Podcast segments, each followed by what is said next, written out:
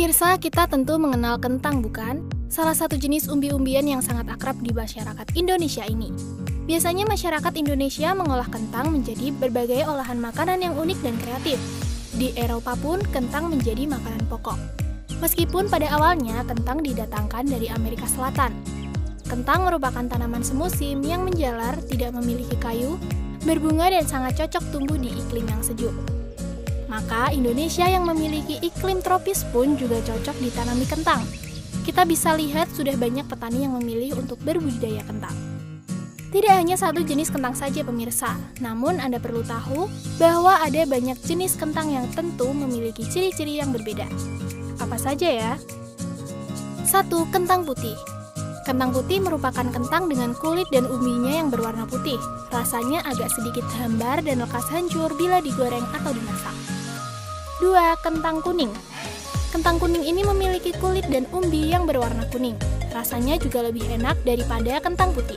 Kentang kuning tidak akan hancur bila digoreng atau dimasak. Harganya juga lebih mahal. 3. Kentang merah Kentang merah memiliki kulit berwarna merah. Namun berbeda dengan lainnya, umbinya tidak sama dengan kulitnya. Umbi kentang merah berwarna kuning. Kentang merah masih langka untuk didapatkan. Namun jika Anda ingin, Anda bisa mendapatkannya di dataran tinggi Dieng sebagai salah satu daerah yang terkenal sebagai penghasil kentang merah di Indonesia. 4.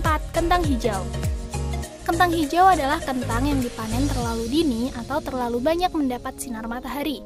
Warna hijau ini berasal dari solanin yaitu sejenis senyawa alkaloid yang bersifat racun.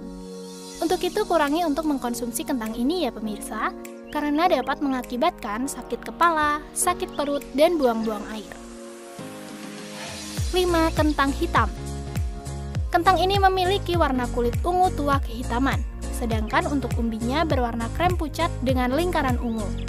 Kentang jenis ini dapat Anda temukan di Kepulauan Shetland.